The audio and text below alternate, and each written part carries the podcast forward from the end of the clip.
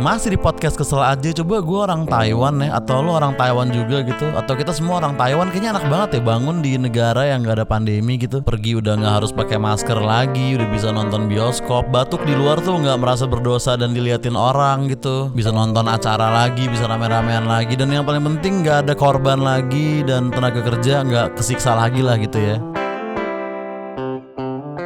Mungkin Synchronize Fest kemarin bisa live dan musisi bakal dapat panggung lagi yang banyak sehingga Ardito Pramono nggak harus ngeluh kayak di Twitter kemarinan. Dokter Tirta juga akhirnya bisa santai ya kan dia nggak perlu marah-marah lagi. Tempat makan atau tempat ngopi yang penghasilannya berkurang akhirnya bisa membaik lagi ya kan. Dan Jerings mungkin bebas nggak sih itu belum tentu ya.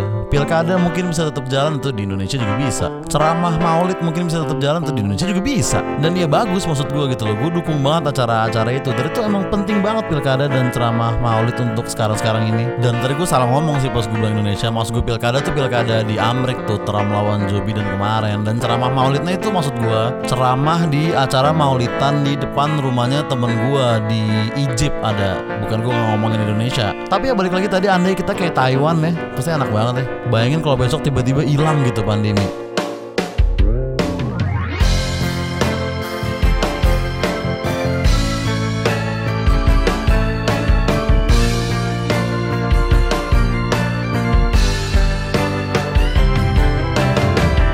juga sadar diri gitu ya. Dulu gue ngecengin orang-orang yang ke Sarina dan ke bandara tapi itu waktu PSBB masih ketat banget sih. Orang beneran masih jarang yang keluar. Cuman sekarang mah gue udah keluar-keluar juga sih. Awalnya kerjaan itu lama-lama nongkrong ya nongkrong juga walaupun sama teman-teman sedikit doang ya. Pernah sih rame tapi abis itu digerebek terus disuruh pulang gitu. Tapi emang ternyata tuh gampang untuk nggak keluar dulu karena semua orang lagi nggak keluar juga. Cuma sekarang tuh lu untuk nggak keluar tuh susah karena hidup udah berjalan gitu. Tempat gue kerja udah masuk teman-teman juga udah ketemu ya kan? Dulu gue nggak pernah berani ketemu lebih dari tiga orang cuman lama-lama ya jadi longgar juga. Nih sorry banget nih kalau nakes yang denger ya cuman gue selalu protokol kalau nakes masker hand sanitizer dan lain-lain. Tapi enak banget ya kalau tiba-tiba ajaib aja gitu. Besok Pak Ahmad Yuryanto nongol dibilang corona hilang saudara-saudara kasus tiba-tiba nol kasus baru satu pun gak ada dan semua pasien kemarin tiba-tiba sembuh aja. Keajaiban telah terjadi mungkin berhubungan dengan kepulangan Mish Daud dari Bali ke rumahnya. Jadi kalian sekarang silakan keluar bergerombol-gerombol rame-rame nggak usah pakai masker nggak apa-apa PSBB udah dihilangkan total bioskop udah buka, jaring sudah bebas, omnibus law dibatalkan dan alkohol tidak jadi dilegalkan.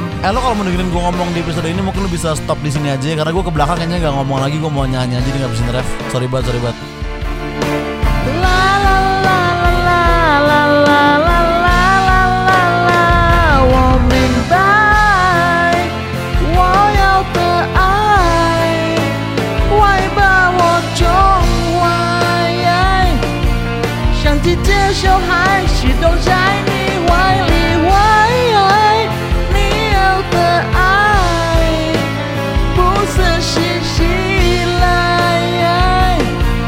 像个大男孩，飞机偶尔塞，谁我自由自在。啊。